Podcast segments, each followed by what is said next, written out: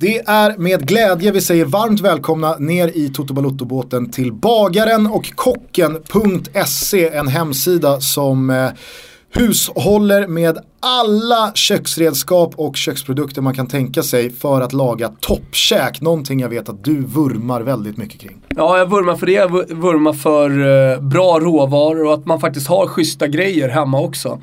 Eh, och just bagaren och kocken, båda två Gusten har eh, riktigt bra saker.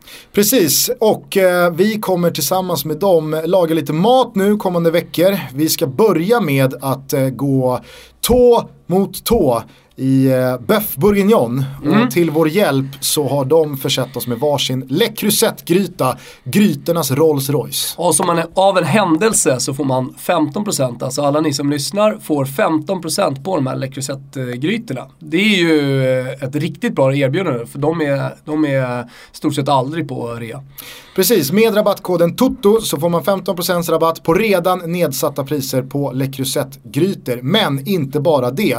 Ifall man tillsammans med oss under den här veckan själv lagar lite Bœuf Bourguignon och skickar in en bild på det här under hashtag TotoBalutto så är man dessutom med i utlottningen av ett presentkort på 1000 kronor att gå loss på bagaren och kocken.se. Kanonerbjudande. Ja, vi har satt upp en liten jury här för att smaka av våra böff. Har du några trumfkort att dra? Ja, det är ju svamptider så att eh, det har börjat skjuta upp lite trattkantareller ur marken. Jag vet... Du ska inte slänga ner trattisar i böffen. Fan vad du älskar att tillhöra gardet med Leif jo. Mannerström och Per Morberg. Så där är liksom så här, man ska inte svära i kyrkan och hålla på. Men en böff ska ju inte smaka svamp. Den ska ju smaka, vad var det för vin i? Du köper ju bara något, vilket vin som helst. Matlagningsvin. Vet, vet du vad jag har för vin i? Jag har rött vin i. Ja, ja.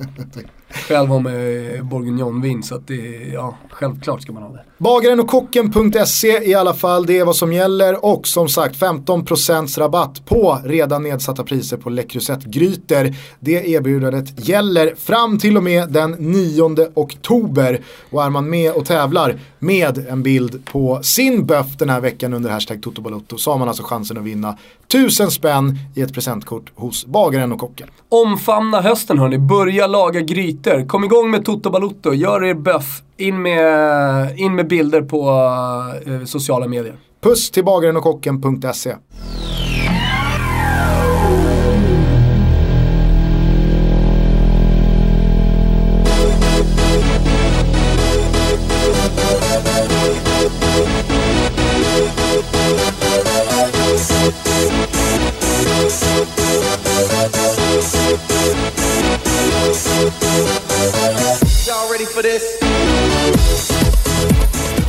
Så är vi varmt välkomna till Toto Balutto. Det är en ny vecka. Jag är lite mör i kroppen kan jag säga. Jag har varit iväg och spelat den första upplagan av min egna golftour.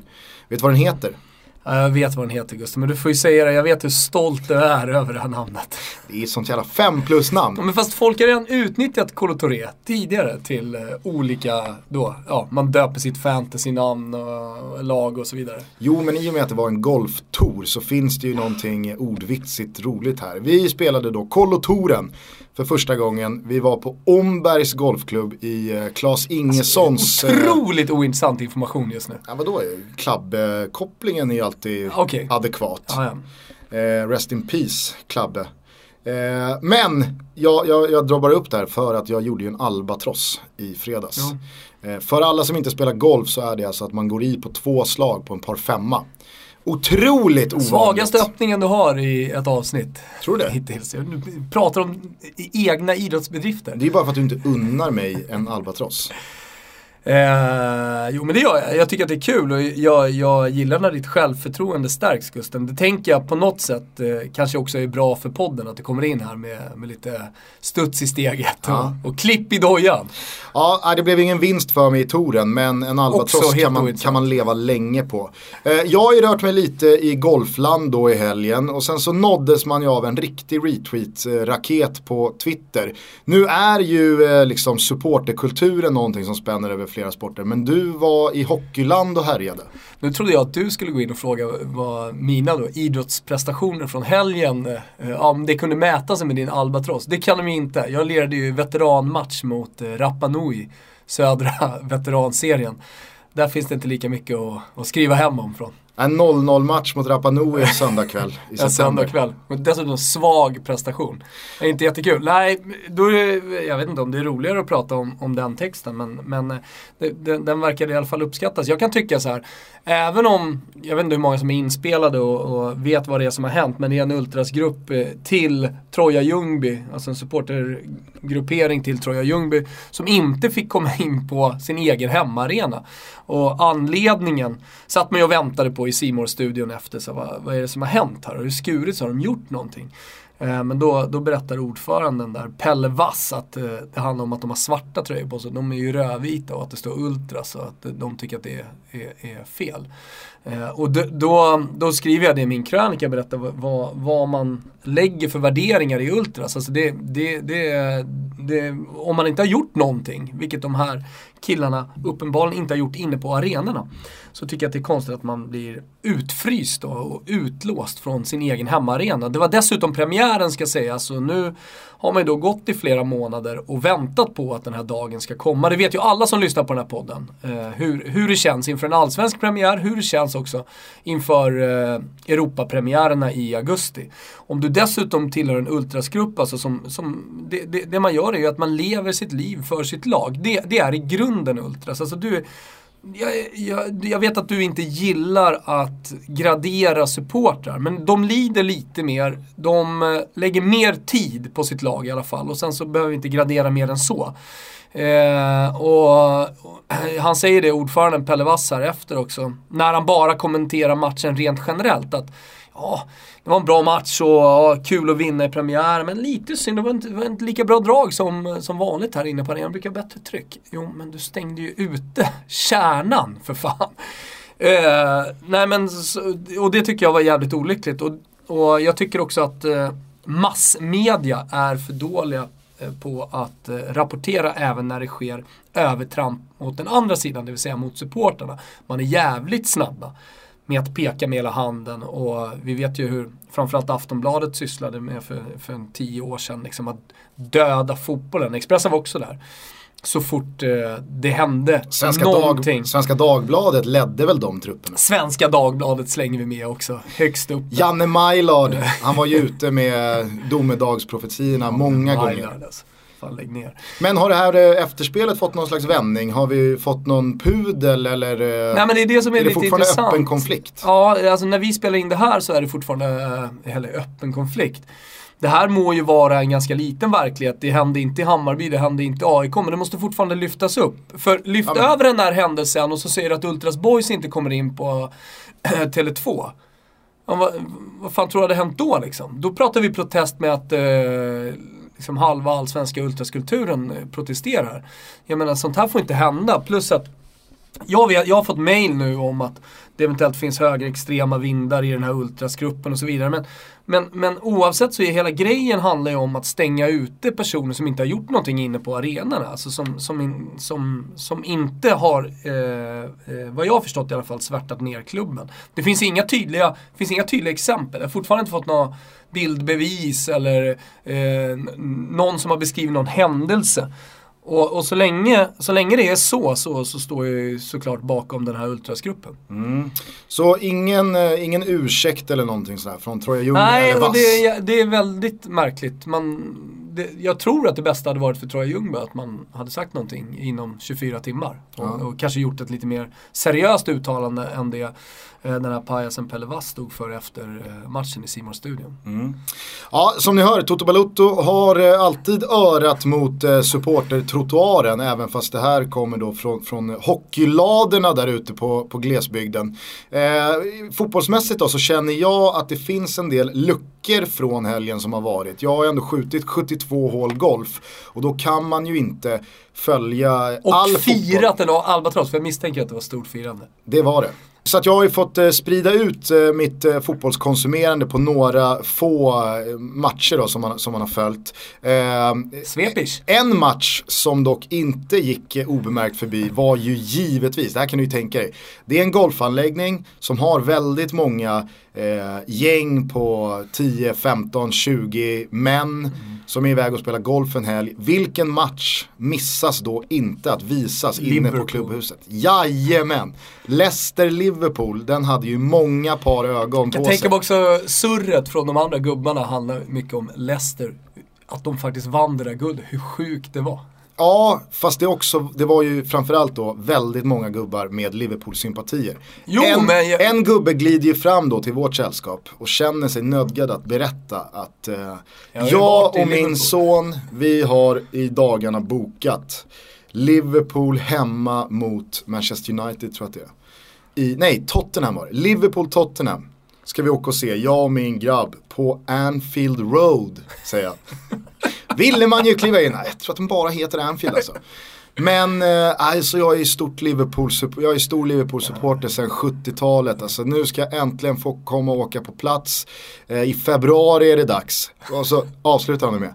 Så att nu har jag bara en uppgift. Det är att lära mig texten till You'll never walk alone. Jag har sex månader på mig. Han har ändå, han har, Så jävla- han har följt laget i 30 år. Så jävla rimlig tidsfrist och gnugga in en lyrics. Han har ett halvår på sig att lära sig You'll never walk alone. Han har haft 30 år så det är fan dags att han lär sig. Ja, jag önskar honom och hans grabb en, en jävla superupplevelse på Anfield Road när Liverpool då möter på Tottenham. tal om uh, You Never Walk Alone, var var det jag hörde You Never Walk Alone? Var det i Borås?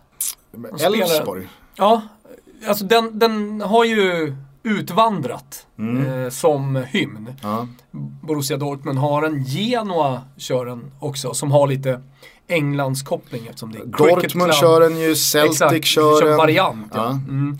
Men eh, däremot så tror jag, för den har ju blivit Kan lite... jag ha hört den på Borås Arena? Det Alltså kan- inte ja, supportrarna, men att den rullade i Du kan ha högtalarsystemet. hört den, men du kan ha hört den på grund av att jag tror att det är Svenska Spel och Stryktipset har någon slags Mhm. eh, kampanj kring away days, att eh, man åker på bortaresor. Och då rullar den som jingel till det montaget och det bruk, det, alltså, den låten brukar då i samband med presentationen av den kampanjen spelas på ar- arenorna. Så jag, jag tror att det kan ha varit eh, den varianten du hörde. Men det hade varit starkt om Gulliganerna hade tagit till sig You Never Walk Alone Ja. till sin hymn. Ska vi lyssna lite på Gulliganernas hymn? Stå upp för Elfsborg, för våra färger. Vi är gulsvarta, vi är gulsvarta tills vi dör. Inte riktigt samma klös i Nej, inte, samma, inte samma trysch. Den hade man kanske behövt ett halvår på sig också. För att lära sig. Får de lära sig. Men Gulliganerna kämpar på. Ja, Som de gör. fortsätt. Eh, får, man be, får man be om ett svep? Ja, kommer här hörru. Och vi börjar i Premier League där vi fick uppleva en helg som gick i favoriternas väg. Chelsea, City, Manchester United, Liverpool, Tottenham. Ja, alla favoriter vann sina matcher och efter sex omgångar ser Premier League ut att ha satt sig en aning, Gusten. Guardiolas Manchester City är sådär överlägset igen att man nästan kastas tillbaka till gamla goda peppdagar i Barcelona. José Mourinho tog en trepoängsskalp i den knepiga bortamatchen i Southampton och blev utvisad. Känner vi igen Mourinho? Harry Kane var tungan på vågen för Mauricio Pochettinos kaxiga Tottenham. De utmanar ju hela tiden. Eh, trots att de inte har samma ekonomiska muskler. Eh, Antonio Conte, Chelsea visade varför de vann ligan för några månader sedan och Alvaro Morata visade att Real Madrid hade fel. Ja, till och med Jürgen Klopps Liverpool motsvarade förväntningarna och segrade efter 17 om och men i bortamatchen mot Leicester. Straffmiss där av Vardy till exempel. Har månne Premier League gått och blivit den mest förutsägbara ligan? Frågar i alla fall jag mig. I La Bella Italia såg Rodén till att krottarna visade sig vara bäst lilleputt i syd. Motbänkade Armenteros Benevento. Vi jobbar jumboplatsen och tackar formtoppade Rodén för den skalpen. I toppen tog Juve sin sjätte raka genom en brutal insats i Il Derby della Mole. Tjurkusinerna såg ut som nyfödda kalvar när en monstruös, skoningslös Paolo Dybala klev upp på tvåsiffrig målskörd. Imponerande. Bakom de två favoriterna led sig Inter till en trea mot Genoa. Charmören D'Ambrosio, matchvinnare. I stadskampen har storsatsande Milan redan stött på säsongens första lilla minikris och i Montella ifrågasätts. Backlinjen med Bonucci i spetsen sågas. Och framåt lyckas man faktiskt i förlustmatchen mot Sampdoria inte mäkta med ett enda skott på mål. Den såg man inte riktigt komma inför. I den andra stadskampen, jag snackar såklart om Roma och Lazio, är det jämnt så det förslår. Ciro Immobile klev upp på åtta pytsar när Lazio pulveriserade ett bedrövligt Hellas Verona samtidigt som Il Faraone, Stefan El Sharawi, visade varför han fortfarande ska nämnas i landslagssammanhang. Grym El Sharawi, gillar honom. Jag noterar även att Helander är på väg att ta det där nästa steget i sin utveckling. Det är alltid intressant att, att följa. Han var riktigt bra mot Inter och han var fenomenalt bra också mot Sassuolo. Slutligen så måste man ju lyfta det faktum att sönerna, Chiesa, Simeone och Hadji, samtliga spelar i Fiorentina. I Spanien gick Messi mållös i bortamötet mot Girona men segern var aldrig hotad. Ronaldo var tillbaka men gick även han mållös när Real borta slog Alaves. Två virken räckte inte riktigt för portugisen. Dåligt säger Axén, men då är det ju tur att eh, Ceballos var på humör. Storlagen vann och Simone Zaza fortsätter att göra mål. Det är sånt som jag noterar från den trista ligan. Den spanska alltså. I Bundesliga verkar HSV oförmögna att vinna utan skadade Albin Ekdal. Kevin Folland sänkte dinosauren med två feta smällar. Ett lag i toppform är annars Borussia Dortmund. Tre mål och två stolpar av Aubameyang. Sex totalt av eh, Dortmund och putslustiga Borussia Mönchengladbach fortsätter att skoja på sociala medier. Vad tycker vi egentligen om det? Dortmund toppar hur som helst Bundesliga efter att Ancelottis Bayern kryssat hemma mot Wolfsburg. Gusten, känns det inte lite läge att göra en stor prestation mot PSG i nästa Champions League-match? Om inte stortysken ska hamna i en tidig kris. Foppa då? Jo, han blev visserligen poänglös, men Sundsvallssonen var riktigt bra. Hade ett stolpskott när Red Bulls stolthet tvålade dit Eintracht Francoforte. Slutligen noterar jag Schalkes två raka förluster, säger inte så mycket mer än så. En liten fransk tanke då. Är det inte typiskt att PSG blir nollade i Montpellier när Neymar inte är med? Jag menar, man vet ju att han satt där och var nöjd, eller hur? Med det uteblivna nätrasslet. Han satt och liksom smål, smålog lite. Och jag tänker att vi tar vidare svepet härifrån. Många nedslag Ja, vi ska är- göra i det här svepet. Ja, det behövs inte alltid, men jag ställde några frågor där. Eh, men de har gjort mycket mål, de har imponerat eh, så här tidigt. Eh, Alla har gjort mål. Mbappé har kommit in och, och pytsat, Cavani har sett fin ut, det har vi nämnt i podden tidigare. Eh, och Neymar flygande start. Sen kom den här straffdiskussionen, spelar han inte går. Och eh, PSG gör noll. Håll med om att han satt och njöt. Jag tror absolut att han satt och knöt en liten näve i fickan för att det då blev tydligt att han är key. Och det är väl ingen eh, liksom, järnraketforskning att, järnraketforskning? Ra- Raketforskning att, eh, att han är en nyckelspelare i PSGs offensiv. Men precis som du är inne på, i och med att PSG har råd med både ett och två och tre sådana här poängtapp. De kommer ju vinna den där ligan ändå. Så tror jag att Neymar absolut gillade lite att det, det, det knöt sig Jo men i- precis, i hade det här varit sista omgången han inte spela om man torskar ligan? Ja, självklart. Eller det finns mer dramatiska förutsättningar. Men jag tycker det är intressant det där med Neymar, för är det någonting jag har reagerat på när jag har sett PSGs inledande matcher den här säsongen, det är att Neymar ser ut att ha nått ytterligare en nivå. Och då är det klart att Neymar inte har utvecklats som fotbollsspelare över en sommar och blivit mycket bättre än vad han har varit tidigare. Utan där tror jag att man inte ska underskatta hur mycket som kan hända med en spelare när man dels byter miljö men kanske framförallt byter upp sig hierarkiskt och får bli tuppen i hönsgården eller kungen eller den som alla eh, liksom litar på, den som alla vill passa, den som alla sätter sitt hopp till. Alltså Neymar var fantastisk i Barcelona, det tror jag alla Barca-supportrar och alla Barcelona-spelare också tyckte. Men där fanns det aldrig, hur bra Neymar än var, något snack om vem som satt på tronen. Det var ju Messi. Nu har Neymar kommit till PSG, han är nummer 10, han är juvelen, han är liksom den spelaren som ska ta PSG den här sista lilla biten in i en Champions League-final. Och han har motsvarat förväntningarna och det tror jag väldigt mycket beror på att han har fått den här positionen både miljömässigt men också hierarkiskt som nummer ett. Och det tror jag är det som kan ta en fantastisk fotbollsspelare till ja, Till en Ballon d'Or i till en- slutändan, Ja, eller till en, det- den här lilla nya nivån. Det Ja. finns en liten, liten växel här som vi inte har sett tidigare. Den här säsongen så vinner ju Cristiano Ronaldo Ballon d'Or. Jag tror han står i 1-0-3 och spelbolagen eh, och ja, det är ju, eh, det, det, det säger väl allt. Eh, det hade inte varit konstigt om det inte ens var spelbart, om man hade tagit bort den. Nu vill man väl ha någon liten marknad på det. Men, men hur som helst, alltså Neymar, det kommer ett VM i Ryssland till exempel.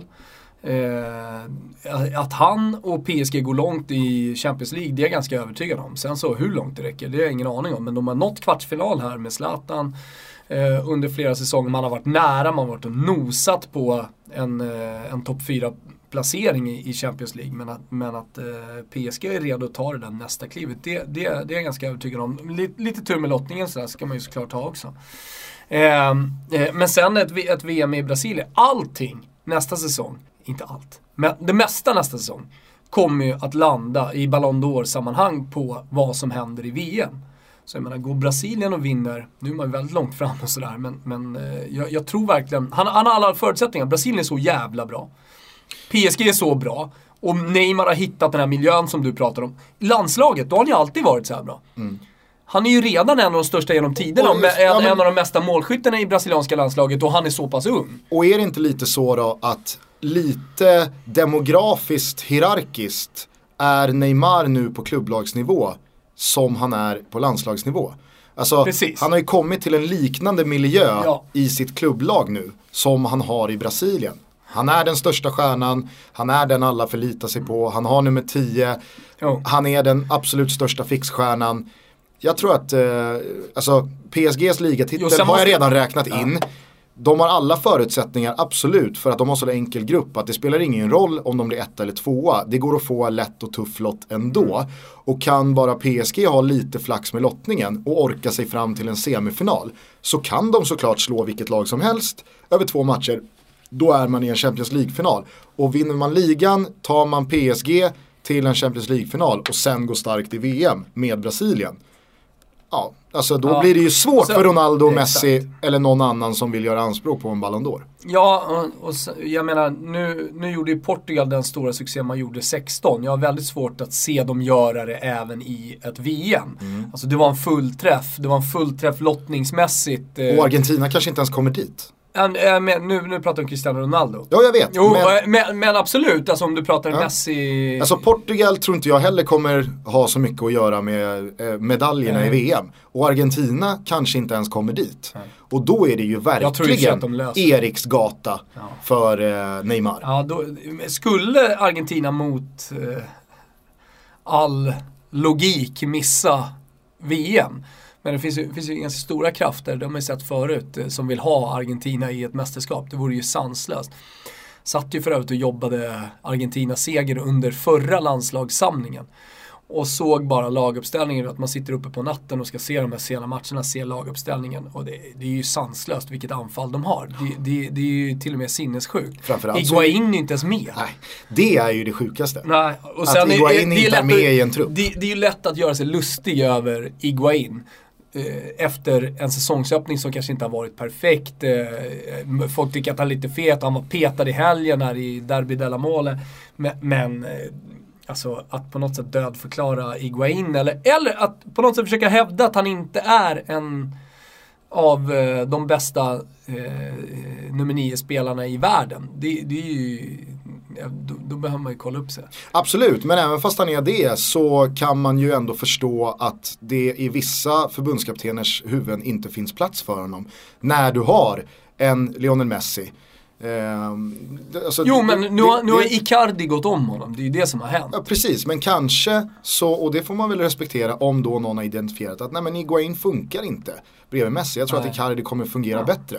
Ja, då, Ja, nu, då, nu talar i och för sig resultaten då emot i och med att det inte, nu gjorde Icardi ett mål för mig senaste. och, så har men, du, men ändå, och så har du Dybala på det. det är inte ett Icardi-problem. Ja, och så har du Dybala på det, som också nämndes här i svepet. Eh, du sa det ganska tidigt att nu är det dags för den breda massan att omfamna Dybala. Eller nu kommer de att göra det. Vi som har följt den italienska fotbollen och följt Dybala från Palermo har ju vetat om att där finns en stor talang. Och han har ju redan, tycker jag, nått ut eh, i Juventus. Jag menar, de går till en Champions League-final. Och det är också Dybalas förtjänst. Fan vad kul det var. Det är nästan läge att minnas det. När Dybala, Dybala var liksom, han, han var inte klar för Juventus, men han var klar. Han hade sprutat in mål i Palermo och då kliver Palermos eh, väldigt excentriska president Samparini in i handlingarna och plomberar Dybala. För att han vill inte riska ett korsband eller ett benbrott eller någonting. Och då gå miste om, vad blev det till slut? 500 miljoner, någonting. 45 miljoner euro. Han, nå- han något är ju över miljarden nu i alla fall. Ja precis, men då handlade det om mellan Och det var stora, stora pengar då. 400-450 miljoner, 500 miljoner kanske. Det var enorma pengar för Palermo och Samparini. Vad Och gör... då vet vi går direkt i, i Samparinis Ja, ficka. Palermo ligger ju också pyrt till. Så att de behöver ju alla poäng de kan få. Ja. Men Samparini tänker ju bara på cashen. Och väljer att då liksom säga till tränaren, det är omöjligt att minnas vem som var tränare då. För de byter ju tränare varannan månad, Palermo. Att. Dybala, vi läktas, vi läktar Dybala nu sista tre månaderna. Han får inte gå sönder. Så Dybala satt ju läktad sista tre månaderna i Palermo. Jag tror tre månader är skarp, men skitsamma, det gör det hela lite roligare. Ja, han var ju plomberad och det är ju väldigt roligt tycker jag när sportchefer eller presidenter då plomberar spelare för att de inte får gå sönder, för att cashen inte ska brinna inne. Ja, verkligen. Men eh, tvåsiffrigt redan på Dybala, det imponerar ju oerhört alltså. Mm, Eh, Messi har gjort nio, har ju hyllats här. Det var för någon vecka sedan som jag såg statistiken. Eh, Messi nio mål mot Real Madrid nio mål. Real Mm. Madrid totalt och utan Cristiano Ronaldo ska ju såklart nämnas eh, i, som, hade, som var avstängd länge där.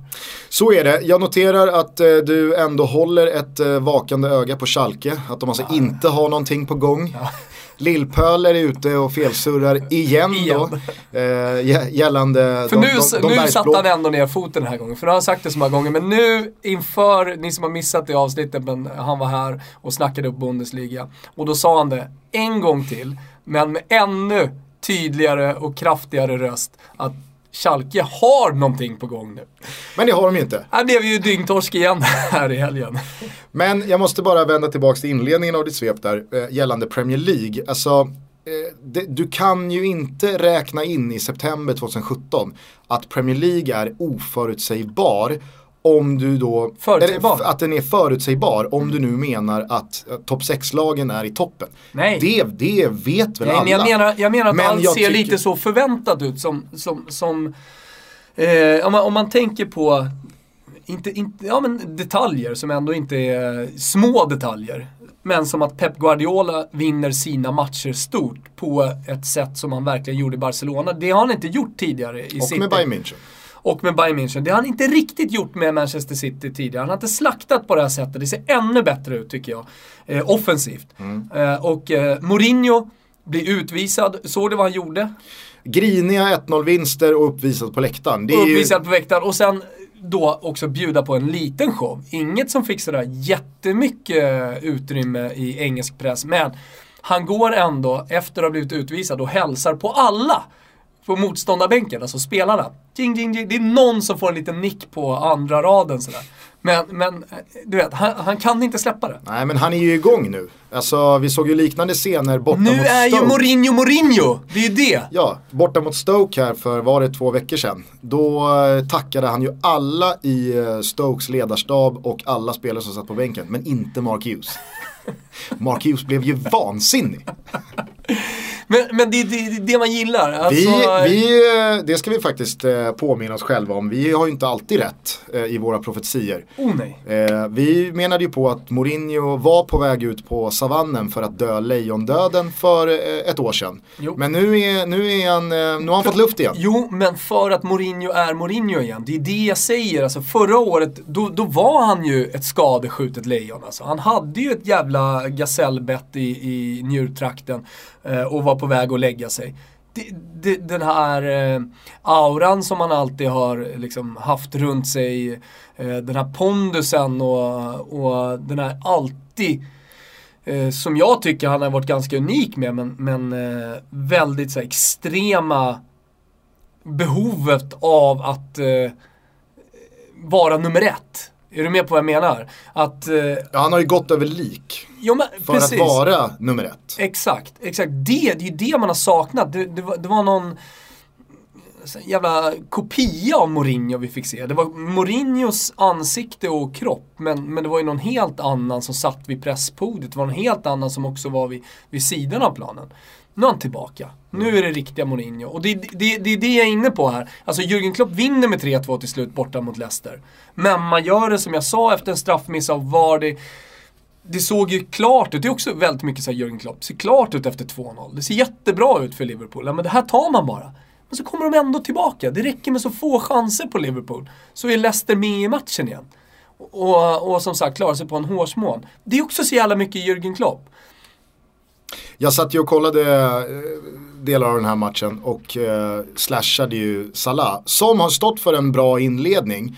Eh, Bra, den har varit eh, fantastisk. Vi vet ju hur svårt det är att komma in i en ny liga. Absolut, men jag som har, har följt och sett eh, väldigt många av Salahs framträdanden de senaste två åren i och med eh, alla matcher i Roma. Jag har ju något horn i sidan åt Salah som en väldigt dålig avslutare. Alltså, Okej, kanske inte väldigt dålig, det är hårt, men Det är jävligt Jo, skulle jag säga. men han, hade han varit en bättre avslutare så hade han kunnat slå på 12-15 mål varje Han säsong. gjorde 17 i Rom. Ja, men han missar för mycket. Men han Och- gjorde 17! Jag och- köper inte det. Är Cavani-argumentation liksom. Just, alltså, han bränner otroligt mycket. Visst, han gör många mål och, han, och, och, och det ska han ju ha. Han tar ju sig till väldigt många lägen. Jo Så men de är, han ju- inte alltid så bra som du tycker att de här lägena ska se ut. Jag menar i alla fall att jag, jag, jag säger i alla fall det här till mitt sällskap då i, i klubbhuset på Omberg. Att, äh, men Är vi Salah, tillbaka i Omberg igen? Salah är en jävligt bra spelare men han missar alldeles för mycket. Det är en dålig avslutare.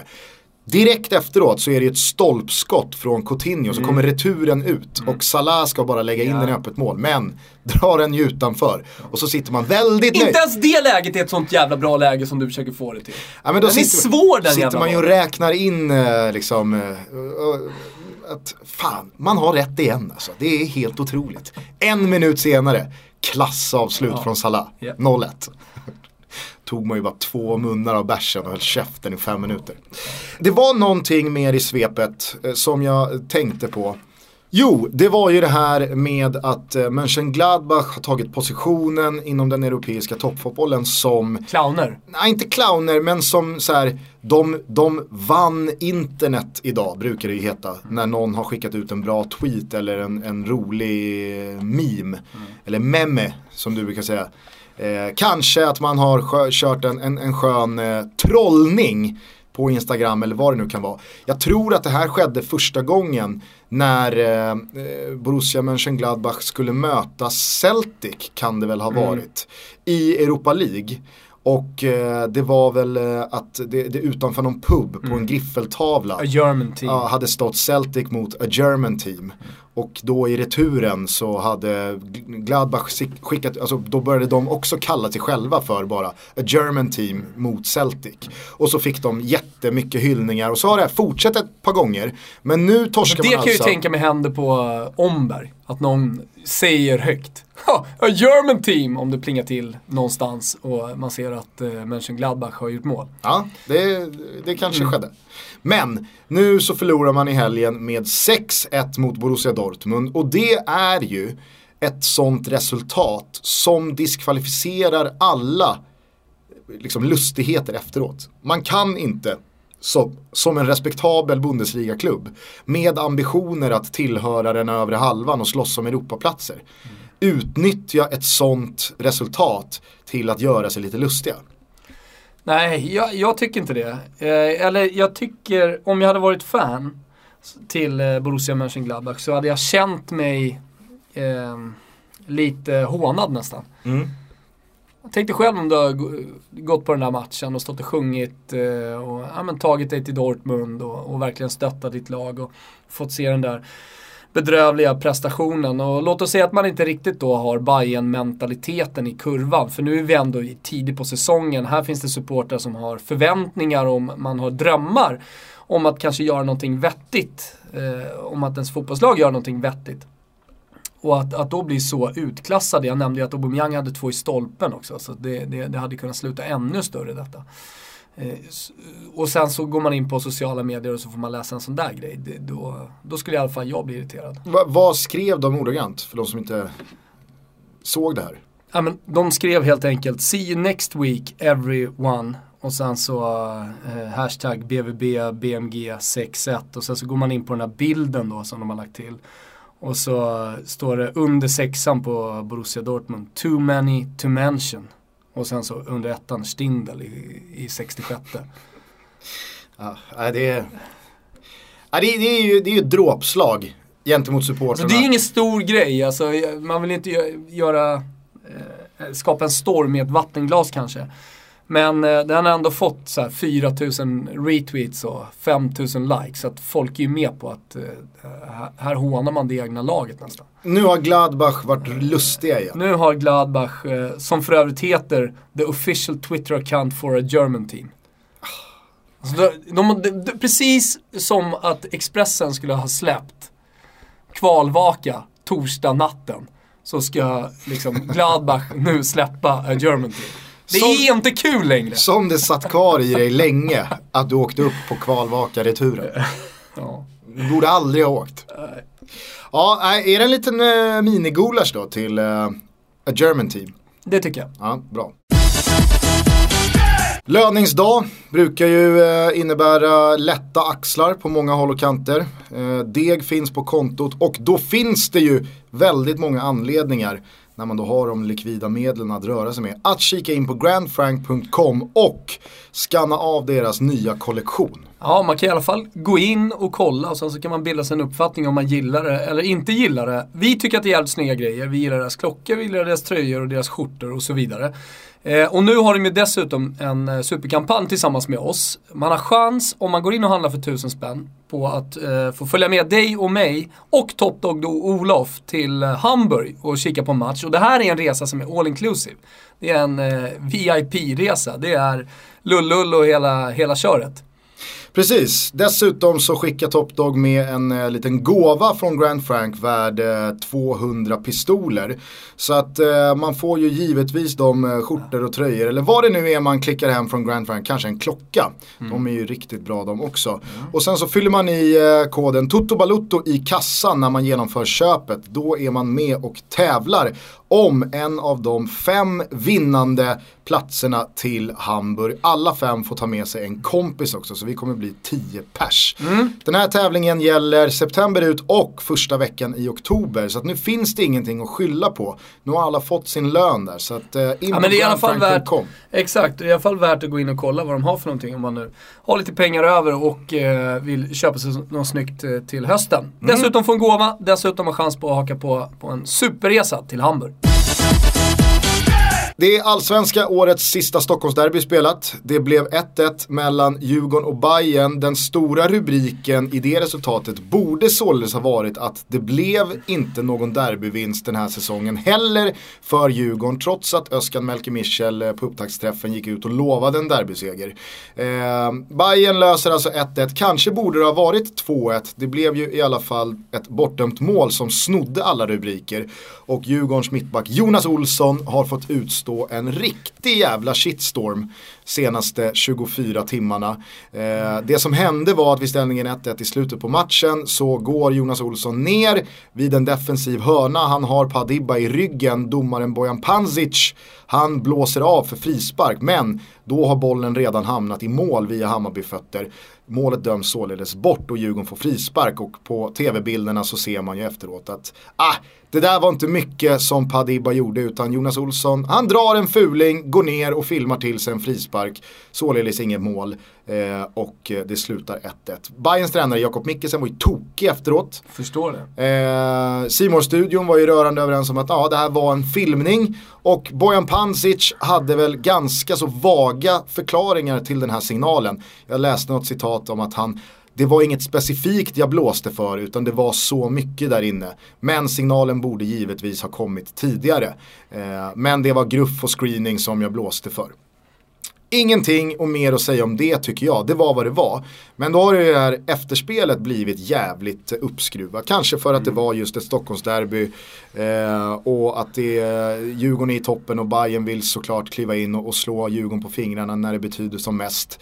Eh, men också så har ju Jonas Olsson blivit lite eh, han har ju blivit centralfiguren här för att han har ju en väldigt, ska vi säga, provocerande eh, spelstil gentemot borta, eller motståndarnas supportrar. men- Alltså han, han syns ju och hörs och märks och delar ju ut väldigt mycket tuffa smällar. Eh, det Och är- säkert en del fulsmällar också. och eh, kanske en del fulsmällar. Jag kan också tänka mig att han snackar en hel del.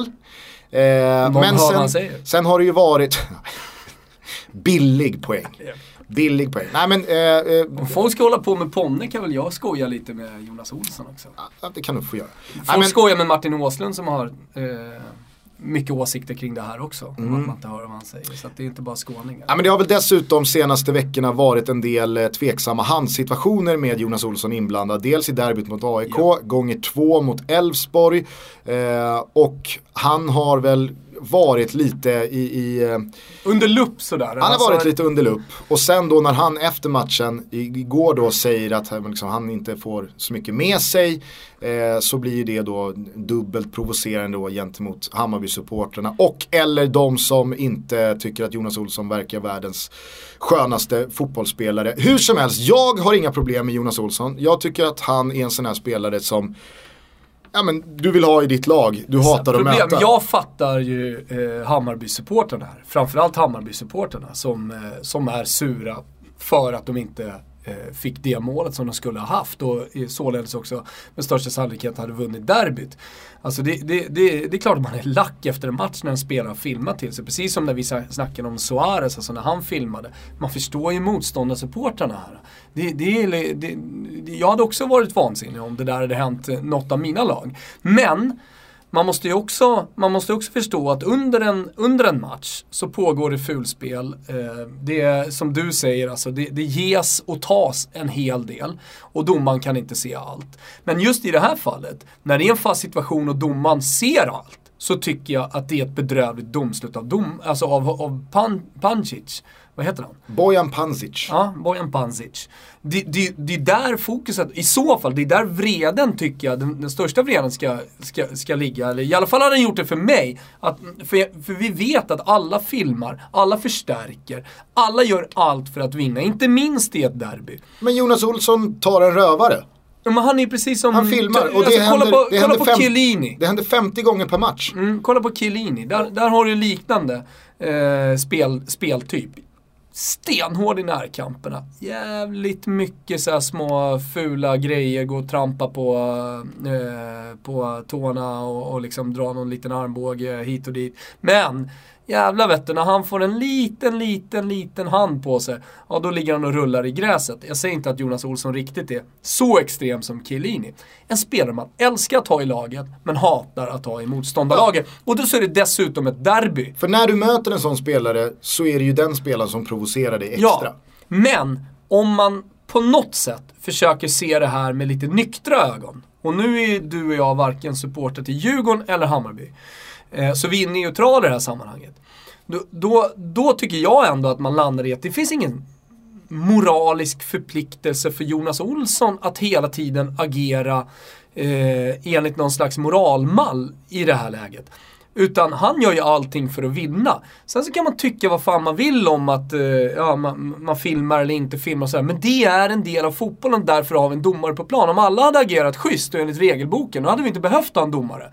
Vilket då skapade en jävligt stor gråzon kring de här, eh, mellan de här olika paragraferna i regelboken. Vad man får göra och vad man inte får, får göra. I och med att det i slutändan handlar om en bedömning. I och med att fotboll är en bedömningssport och att det är en fysisk människa, än så länge Gusten, som står där och, och, och blåser i pipan. Vet ja, men är du med på vad jag menar? För om, om du helt plötsligt ska börja applicera eh, den här moralmodellen eh, eh, liksom på, på i stort sett alla domslut. Ja, men, det, det, det blir omöjligt. Var drar du i så fall moralgränsen? Var är, vad är det okej att göra? Su- Suarez som biter Chiellini? Nej men det är såklart inte okej. Det fattar ju alla. Det, det är ju liksom moraliskt förkastligt att hålla på och springa omkring och bita folk. Eh, att det är fan- filma. Nej, man gillar, jag gillar inte heller en filmare. Det, det är ingen som gillar en filmare att sitta och kolla. Om det, om det inte är, det finns ett undantag. Det är att filma spelar i ditt lag och att du får eh, fördel av det och, och vinner en poäng eller en match eller någonting. Så här. Då kan man ändå, då, då, då är det lätt att blunda för det liksom. Men skulle, hade det här hänt, hade det här hänt eh, tvärtom då?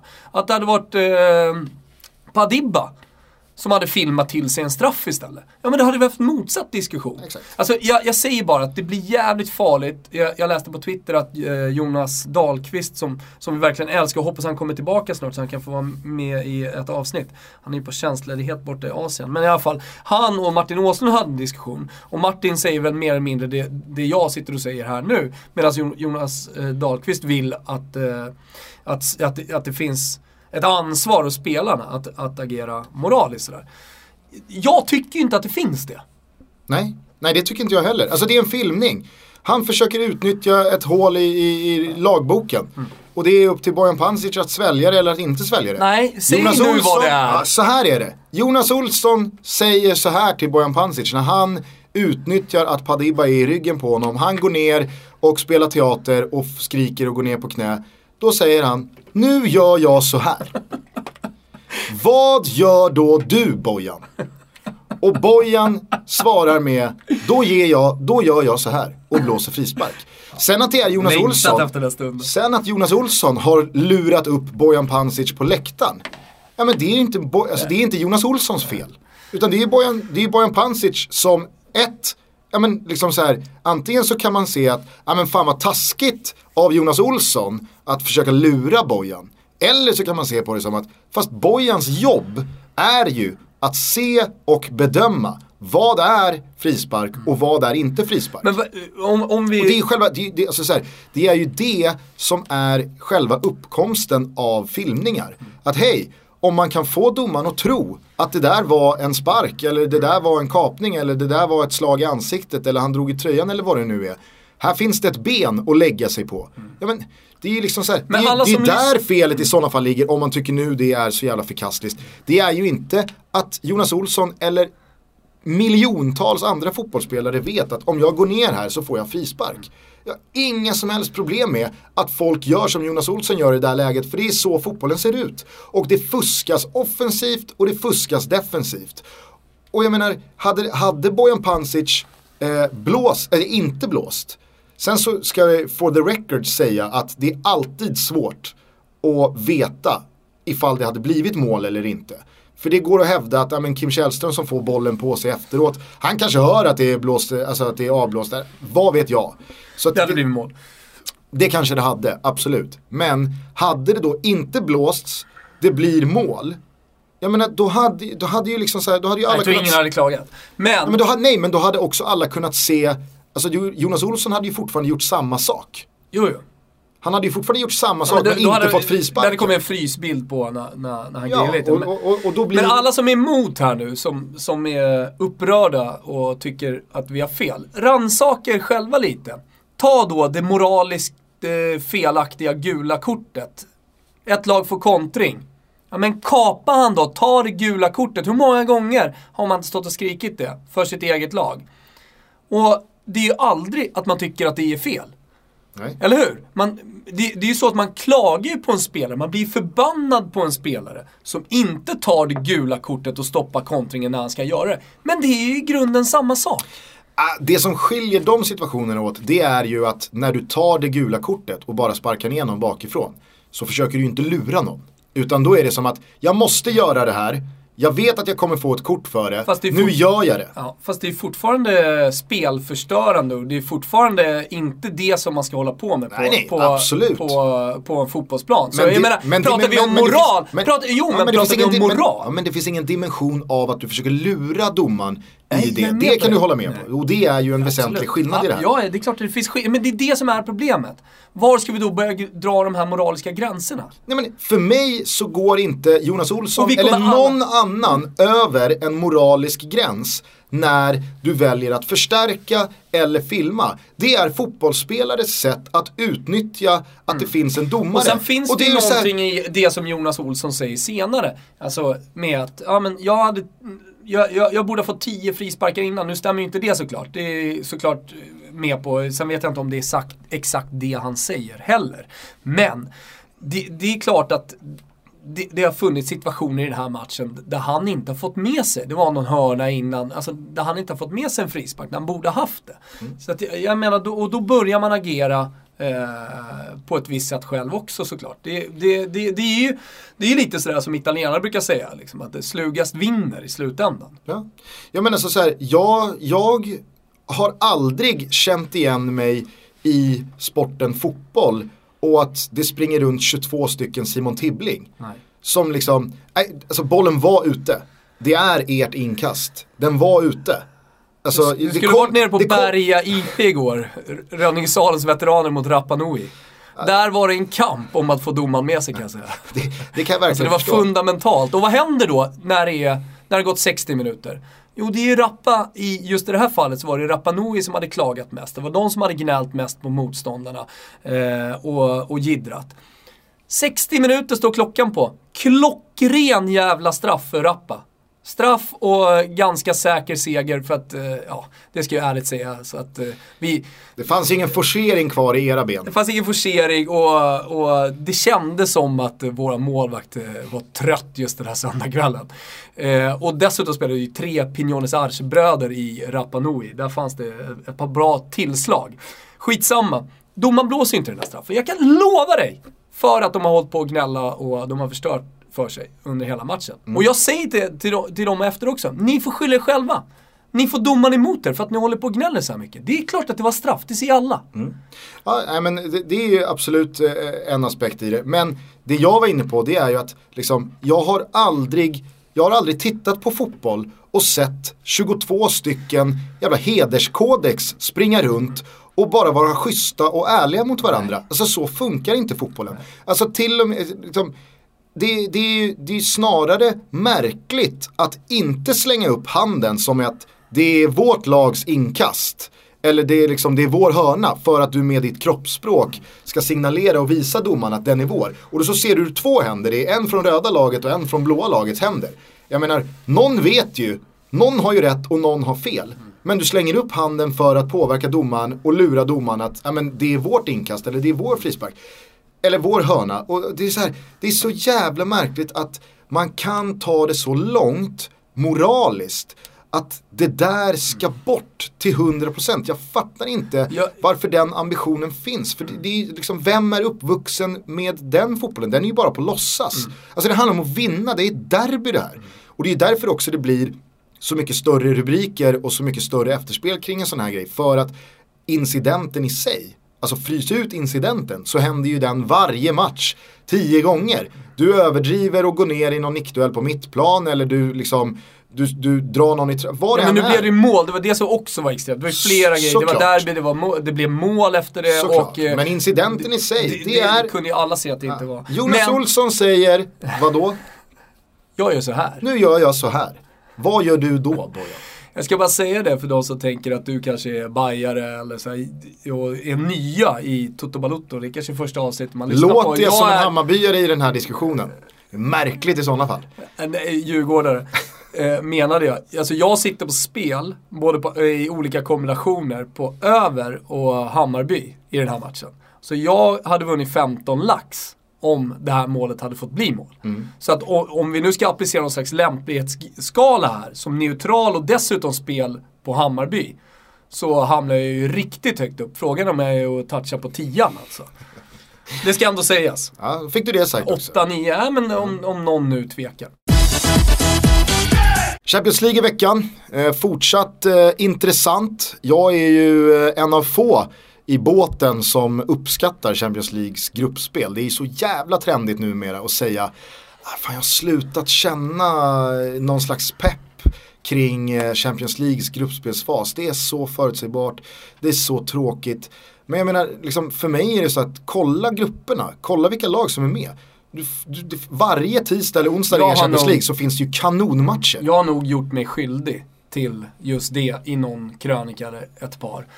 Eh, och, och menar på att det är alltid samma lag som går vidare. Men jag tror att det är en liten Men det har det ju varit i 20 Jo år. men det, det är mer en, nej men det, det är mer, eh, jag ska inte säga djupare tanke, men, men det, det är väl mer då eh, att jag tycker att man kanske borde göra om de här europeiska eh, kupperna, eh, Champions League, som bara är för vissa att gå långt, eh, och Europa League. Eh, kanske att man saknar en cupvinnarcupen, alltså att man saknar någonting annat. Där det faktiskt finns chans för lagen som gör det bra som ändå kan ta en pinne och kanske till och med vinna mot storlagen på hemmaplan. Men som man vet i slutändan inte har en chans om, om slutseger. Ja. Alltså att, att delta, du, du pratar ju om att vinna och förlora. Det är ju en het potatis nu, i, om inte annat i ungdomssammanhang. Kanske vi kan ta en annan gång. Men, men eh, för dem handlar det ju om att delta. Det handlar inte om att vinna. Det handlar Nej. om att vara där, få cashen och fan vad ballt.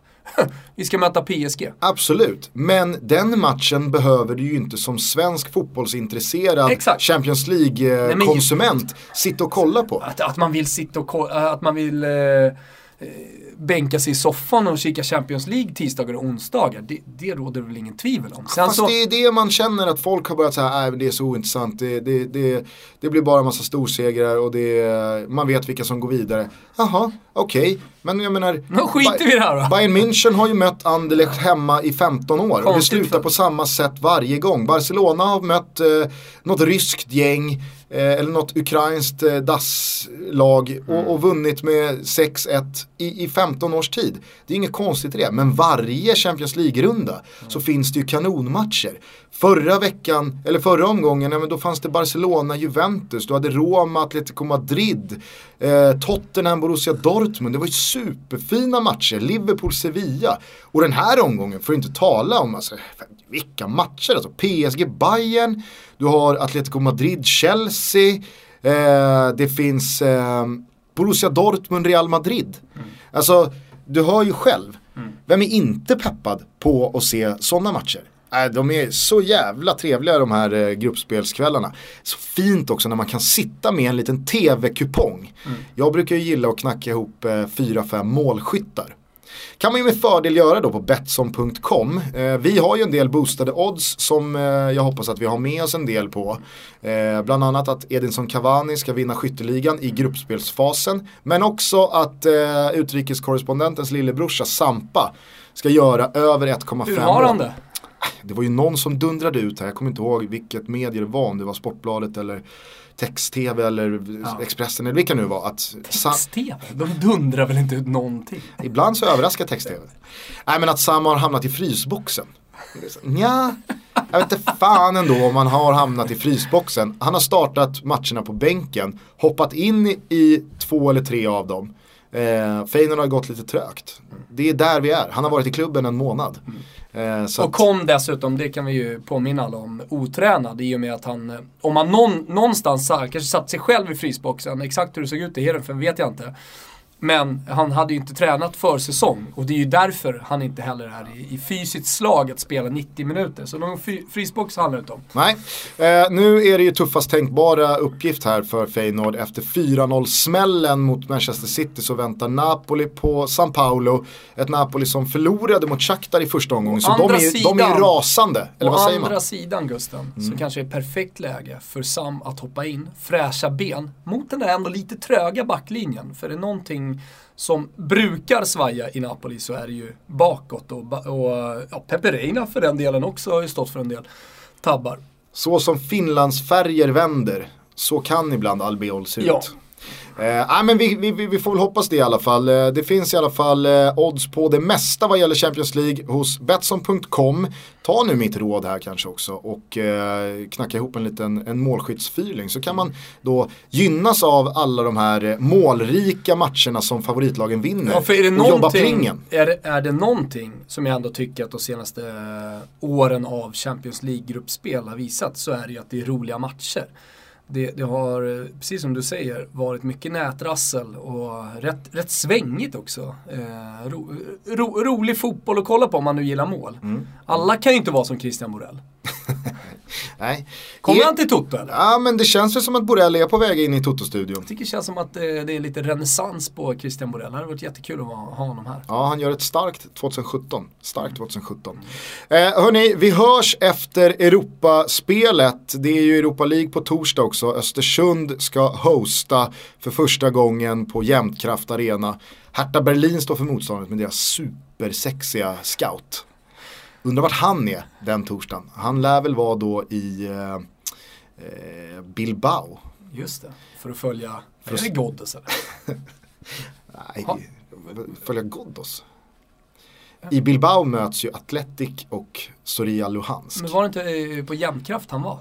Ja men det var ju för att scouta Östersund. Ja, nu möts ju det. ja, men nu möts ju Hertha Berlin och Det Östersund. skiter ju han i. Nej då är han, ska då är han, han, i ska Bilbao. ju följa, han, han ska ju följa Ghoddos i gänget. Det är ju det är hans enda uppgift här. Men du sätter ju inte en scout på matchen som ditt lag spelar. Jo.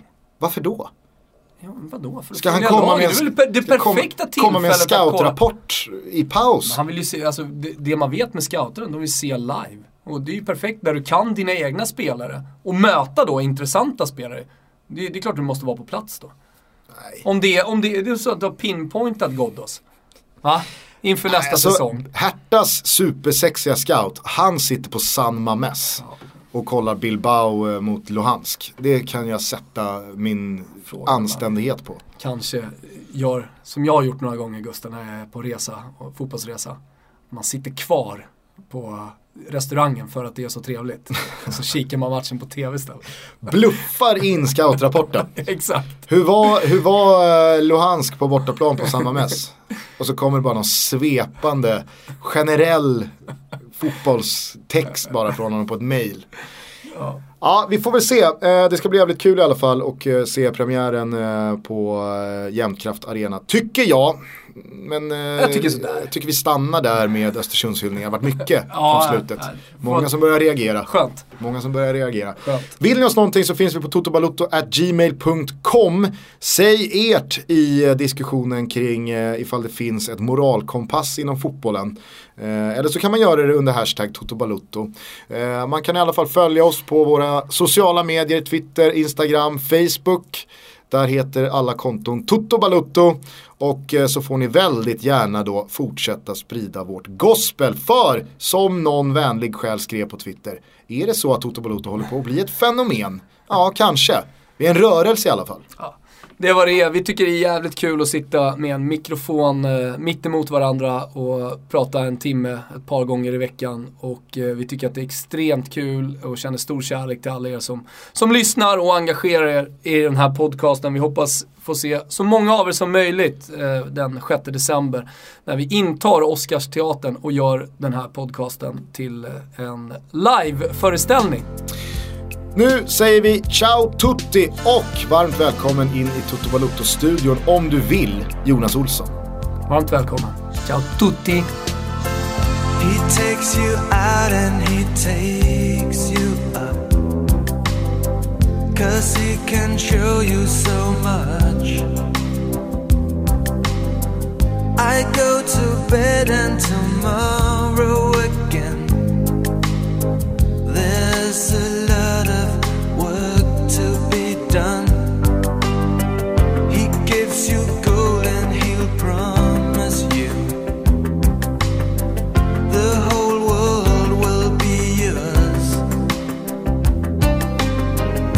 I just can't tell you I love you so.